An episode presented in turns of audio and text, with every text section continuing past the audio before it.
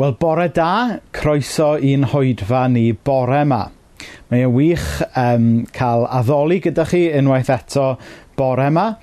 Um, Dwi'n ddiolchgar iawn i Alwena, i Lowri, i Cadi ag Esyllt. Fydd yn arwain ni mewn mawl mewn ychydig. A dwi hefyd yn ddiolchgar i bawb arall sydd wedi cyfrannu mewn gwahanol ffordd i'r addoliad bore yma. Gewn ni blygu pen mewn gweddi. O ddiw dad ar ddechrau wythnos arall, i ni'n cyflwyno'n hunain i ti. Falle bod na ofne, falle bod na bryderon yn pwyso ar rai ohono ni. O ddiw dad bydd efo ar o cysur i'r bobl sy'n yn y fan yna. Falle bod na rai yn dathlu ac yn llawenhau, wel gad i ni ddathlu a lawenhau gyda'r bobl hynny. O ddiw dad, i ni'n diolch bod ti yn ddiw sy'n newid dyfendithion i gwrdd ag angen dyn. Felly le bynnag ydan ni bore yma, ni'n gofyn i ti y diw byw lefaru a siarad mewn i fywydau pob un ohono ni bore yma. Yn enw Iesu. Amen. Felly draw ni nawr at alwena'r criw sydd yn arwain ni yn y naddoliad bore yma. Dyma adnod o ar ôl Iesu atgyfodi. Uh, mae o yn Iowan. Er bod y drysau wedi'u cloi, daeth Iesu i mewn a sefyll yn y canol a dweud, Shalom, heddwch i chi. Trodd at Thomas a dweud, Edrych ar fy arddernau, rhod y fus i mewn ynddyn nhw. Estyn dy law i'r rhoi yn fy ochr i. Stopio ama a creta. Dyna'r un Iesu sydd wedi asgyfodi a sydd yn y nefoedd rwan.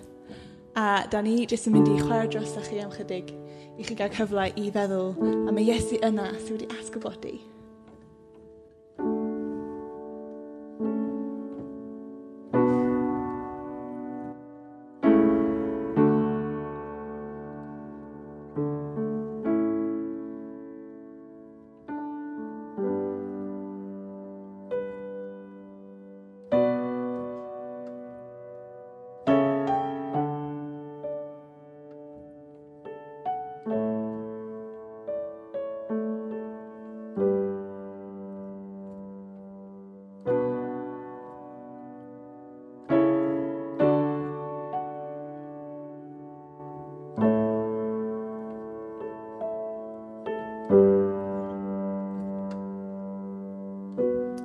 Dydy Iesu'n amazing?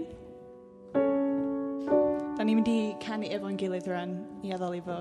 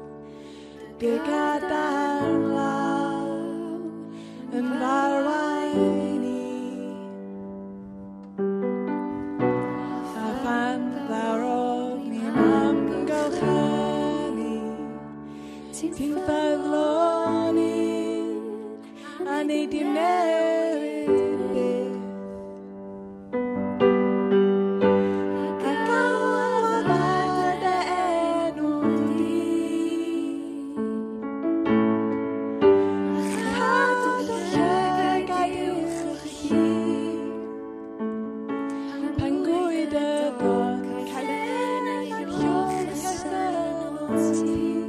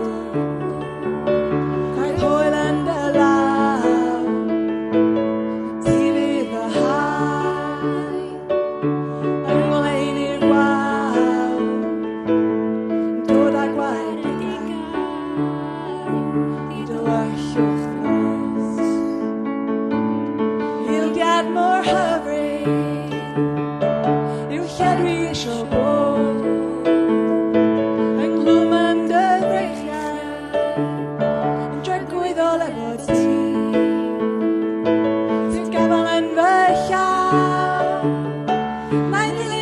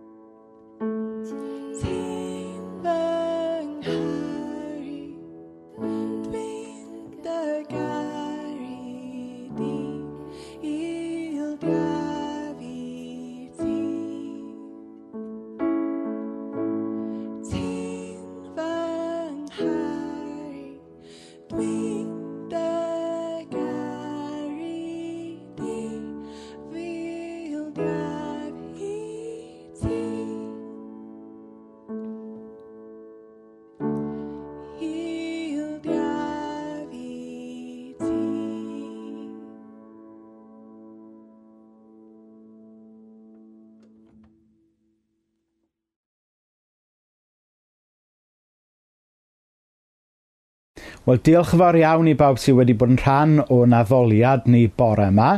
Yy, rhai cyhoeddiadau cyn bod ni yn mynd ymlaen.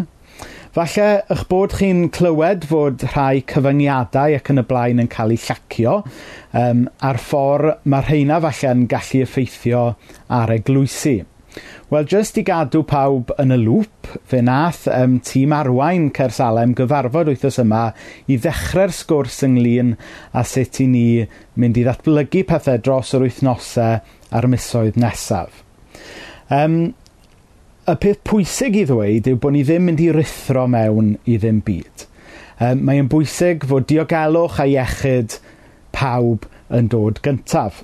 Ac gogoniant yr yfengel grisnogol yw bod Dyw yn gallu cyfarfod ni unrhyw le. Does dim rhaid i ni fod yn y capel i addoli, dysgu a siarad efo Dyw. Felly ar rywydd, does dim rheswm gyda ni frysio nôl um, i gynnal oedfan yn y capel unwaith eto.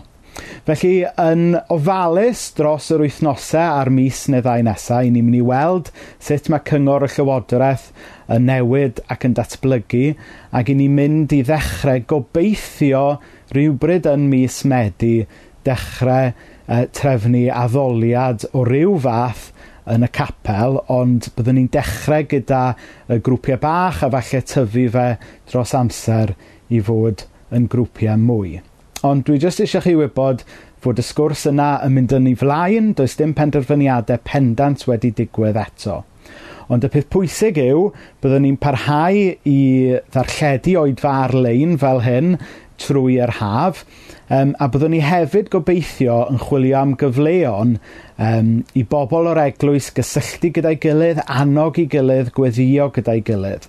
Ac os fydd yn saff, ac os fydd canllawiau yr uh, Llywodraeth yn caniatáu, falle yn hwyrach yn yr haf, allwn ni edrych mewn i'r posibilrwydd o gael grwpiau bach, a pan dwi'n golygu bach, dwi'n golygu bach. Um, dwi'n yn gwybod, um, hanner dwsyn falle neu lai, um, i gyfarfod yn yr awyr agored, yn cadw pellter oddi wrth eich gilydd, jyst i sgwrsio a falle gweddio gyda'ch gilydd. Um, ond 'dyn ni ddim mynd i frysio mewn i ddim byd, 'dyn ni jyst mynd i um, ddilyn canllawiau'r llywodraeth yn ofalus a ceisio dew mewn gweddi.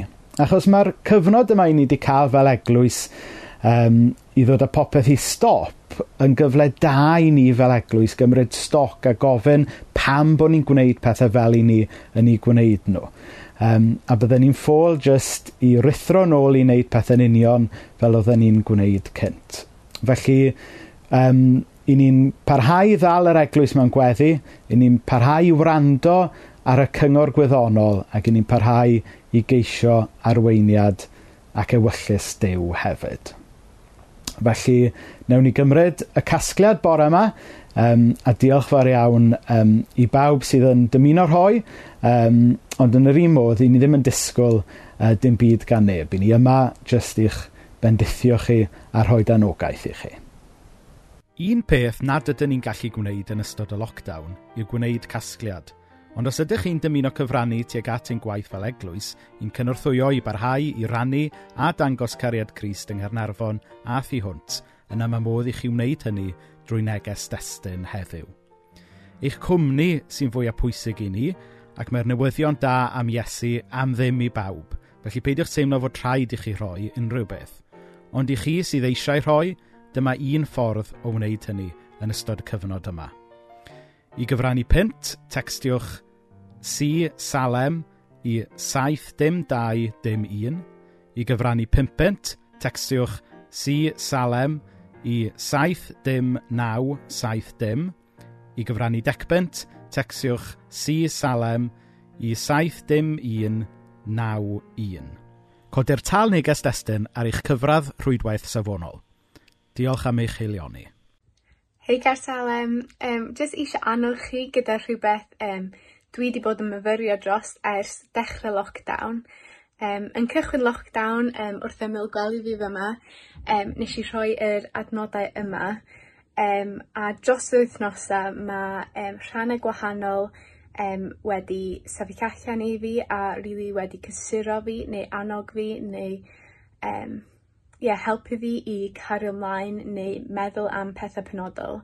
Um, mae o Philippiaid pedwar adnodau pedwar i 9. Um, so jyst am darllen o allan i chi os mae hynna'n iawn. Um, mae'n deud byddwch yn llawen pob amser am eich bod chi'n perthyn i'r arglwydd. Dwi'n deud eto byddwch yn llawen. Gadewch chi pawb weld eich bod chi'n pobl garedig. Mae'r arglwydd yn dod yn fian. Peidiwch gadael i dim byd eich poeni chi. Gweddiwch a gofyn i Duw am popeth sydd, sydd arnoch eich angen a byddwch yn diolchgar pob amser. Byddwch chi'n profi'r heddwch perffaith mae Dyw yn ei rhoi. Y daioni sydd tu hwnt i dychymyg, yn gwarchod eich clonau a'n meddyliau wrth i chi dilyn y Mesoea Iesu. Ac un peth arall i gloi, ffrindiau, meddyliwch pob amser am beth sy'n wir ac i'w edmygu, am beth sy'n iawn i wneud yn bir yn caredig ac yn anrhydeddus. Hynny ydy popeth da a unrhyw beth sy'n heiddi ei gamol. Gwnewch y pethau hynny dych chi wedi dysgu a'i gweld a'i glywed gen i, a bydd Dyw sy'n rhoi heddwch, a bydd Dyw sy'n rhoi heddwch gyda ni. A un o highlights fi yn ystod lockdown oedd oedd fi a fy mrawd bach Dion wedi mynd i gardd um, Cym Cynan a Siwan Bach. Um, a oedd hynna jyst mor hyfryd um, gallu cyfarfod fyny hefo um, yr eglwys lleol eto Um, even just yn gardd um, a just dathlu bywyd a bod Dyw gyda ni.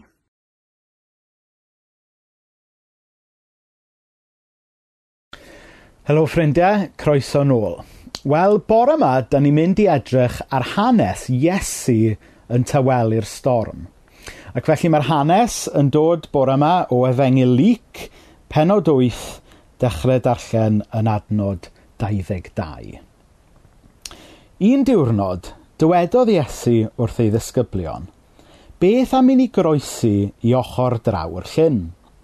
Felly ffwrdd â nhw mewn cwch. Wrth groesi'r llyn, syrthiodd Iesu i gysgu. Daeth storm ofnadwy ar y llyn, ac roedd y cwch yn llenwi a dŵr nes ei bod nhw mewn perygl o suddo. Dyma'r disgyblion yn mynd at Iesu a'i ddeffro ac yn dweud wrtho, Feistr, dyn ni'n suddo feistr. Cododd Iesu ar ei draed a chyrryddir gwynt ar tonau gwyllt, a dyma'r storm yn stopio, ac roedd pob man yn hollol dawel. Ble mae'ch ffydd chi? gyfynodd i'w ddisgyblion. Roedden nhw wedi dychryn ac yn rhyfeddu at be ddigwyddodd. Pwy ydy hwn, medden nhw. Mae hyd yn oed yn rhoi gorchymyn i'r gwynt a'r dŵr, ac mae nhw yn ei fyddhau iddo. Nawr, mae presenoldeb gan rhai pobl yn does. Pan mae rhai pobl yn cerdded mewn i'r stafell, maen nhw'n hoelio sylw pawb. Maen nhw'n dweud fod y gallu gan rai pobl i newid awyrgylch stafell wrth iddyn nhw gerdded i mewn. Ac un person yn sicr oedd yn dal sylw pobl ac yn newid yr awyrgylch, le bynnag oedd e'n mynd, oedd Iesu. Oedd y bobl oedd Iesu yn ei gyfarfod yn cael ei cyfareddu ganddo fe. Oedd yr awdurdodau yn bobman yn ei ofni fe. Oedd y llywodraethwyr a'r brenhinoedd yn ei ddigeddus ohono fe. Da neu ddrwg, yn sicr oedd Iesu'n creu argraff ddofn ar bawb oedd yn ei gyfarfod e. Ac heddiw, fel o'n i'n dweud, i ni am edrych ar un o'r hanesion rhyfedda ynglyn â lle mae presenoldeb Iesu yn neud gwahaniaeth. Oedd môr Galilea, le mae'r hanes yma yn cymryd lle heddiw, oedd e'n enwog am fod yn lyn neu'n fôr tymhestlog a cyfnewidiol. Mi oedd hi leoliad daearyddol e yn golygu fod ychydig bach um, o wynt yn gallu gweddnewid natur y môr yn sydyn iawn. Mae'n debyg heddiw ar, um, ar lethrau Llyn Galilea, mae yna um, os ewch chi i faes parcio mewn ambell le, bod yna arwyddion yna'n dweud i bobl barcio yna ar ei risg i hunain oherwydd fod y tywydd yn gallu uh, creu'r dŵr godi dros y meisydd parcio yma um, bron heb lawer o rybydd. Nawr yn adnod 23, i ni'n gweld yn yr hanes yma fod Iesu yn cysgu yn drwm. Nawr, mae yna wahaniaeth dramatig fan hyn ynglyn â sut oedd Iesu yn actio a sut oedd y disgyblion yn actio. Dyna lle oedd Iesu, yng nghanol y storm yma, jyst yn cysgu yn braf ac yn dawel. Lle oedd pawb arall o'i gwmpas e mewn panic dramatig iawn. Ac oedd ymateb Iesu yn wahanol i'r disgyblion oherwydd oedd ganddyn nhw a Iesu brysbectif gwahanol ar bethau. Na mae persbectif yn bwysig yn dydy. Ac yn yr amser i ni'n ffeindio'n hunan yn ddo heddiw fel unigolion a fel gwlad, mae'n bwysig yn bod ni yn cael y persbectif cywir ar bethau er mwyn i'n allu oroesi yn hanner call. Um, dyma stori fach sy'n dangos pan bod persbectif yn bwysig. Um, dychmygwch bod gyda chi ddau berson yn edrych allan dros gau sydd yn llawn uh, gwartheg. Um, a mae'r dau berson, mae'r ddau ohonyn nhw gyda binoculars. Um, mae un yn gweld buwch yn y cae yn bell, bell iawn ac yn fach, fach iawn. Ond mae'r llall yn gweld buwch enfawr sydd yn agos iawn – A mae'r ddau ohonyn nhw yn edrych trwy binoculars, mae'r ddau nhw'n edrych ar yr un um, buwch yn sefyll yn yr un fan, ond mae be maen nhw'n gweld yn hollol wahanol achos bod ganddyn nhw bersbectif gwahanol. Mae un yn edrych trwy'r binoculars y ffordd iawn, a mae'r llall yn edrych trwy'r binoculars y ffordd anghywir. Ac felly mae un ar persbectif cywir a un ar sbe- persbectif anghywir. A mae'r stori fach um, ysgafn yna'n dangos i ni bod perspektif yn neud gwahaniaeth yn dydy. All yr un person fod yn yr un sefyllfa mewn bywyd, yn sefyll yn yr un lle, yn edrych ar yr un, um, yr un sefyllfa o'i blaen nhw, ond fe all y newid popeth. A mae'r hanes yna'n atgoffa ni um, bo' hynna wir yn yr hanes yma. Oedd gan Iesu brysbectif gwahanol i'r disgyblion oedd o gwmpas e mewn panic llwyr. A dyna pam yn gyffredinol yn y bywyd chrysnogol bod e'n bwysig i ni gael y prosbectif tragwyddol. Um, hyd yn oed yng nghanol stormydd bywyd, mi all y Cristion ffeindio rhyw fath o heddwch dofn. Fe allwn ni drystio, fe allwn ni ddweud, yn bod yn tad wrth y lliw. Falle bod y sefyllfa rhywun peth a'r person nesaf atyn ni. Falle bod ni'n sefyll yn y rhywun lle a'r person nesaf atyn ni. Ond mae'n persbectif ni'n gallu newid sut yda ni yn y sefyllfa yna. Fe allai fe fod y gwahaniaeth rhwng ffeindio heddwch a gweld yn bywyd yn syrthio yn ddarnau o'n cwmpas ni. Nawr un person oedd yn deall prosbectif oedd y salmydd. Yn salm uh, 121 ni'n darllen fel hyn. Dyrchafaf fy llygau di'r mynyddoedd o'r lle y daw fy nghymorth. Fy nghymorth a ddaw oddi wrth yr arglwydd. Yr hwn a wnaeth nefoedd a deiar. Oedd y salmydd yn deall prosbectif. A mae sut i ni yn gallu cael prosbectif ynglyn a'n lle ni mewn bywyd a'n perthynas ni efo Dyw yn gallu wneud y gwahaniaeth. Nawr mae'r hanes yn mynd ymlaen wedyn yn adnod 24 e, fel hyn. Cododd Iesu ar ei draed a cheryddir gwynt ar tonau gwyllt a dyma'r storm yn stopio. Ac roedd pob man yn hollol dawel. Mae'r hanes yma yn atgoffa ni fod Iesu Grist gyda awdurdod. A mae'r ffaith fod Iesu ddim jyst yn ddyn, ond hefyd yn ddiw sydd efo awdurdod yn newid popeth. Yn un peth, pan i ni yn trystio yn Iesu, pan i ni'n gweddio yn enw Iesu, i ni'n gwneud hynny yn enw un sydd gyda awdurdod. Pan i ni yn mynd am ceisiadau a'n gofidiau o flaen Duw, i ni'n cael wneud hwnna yn enw Iesu Grist, un sydd yn cario awdurdod. A mae wneud rhywbeth yn enw rhywun sydd gyda awdurdod yn wneud gwahaniaeth yn dydy. Nawr mae genna i un stori ysgafn i rannu gyda chi sy'n dangos y gwahaniaeth mae awdurdod yn gallu gwneud. Um, rai blynyddoedd yn ôl, um, mi oedd yna broblemau baw cu difrifol ar yn stryd ni. Ac i weid y gwir, mae'r problemau baw cu difrifol yn parhau ar strydoedd Cynarfon o hyd yn dydyn. Wel, ar y pryd, nes i ddanfon neges trwy um, wefan y cyngor, um, nath fynd at rhyw swyddog, uh, nath ateb fi ymhen ychydig wythnosau gyda rhyw bolisi oedd y cyngor yn dilyn ynglyn â trin baw cu.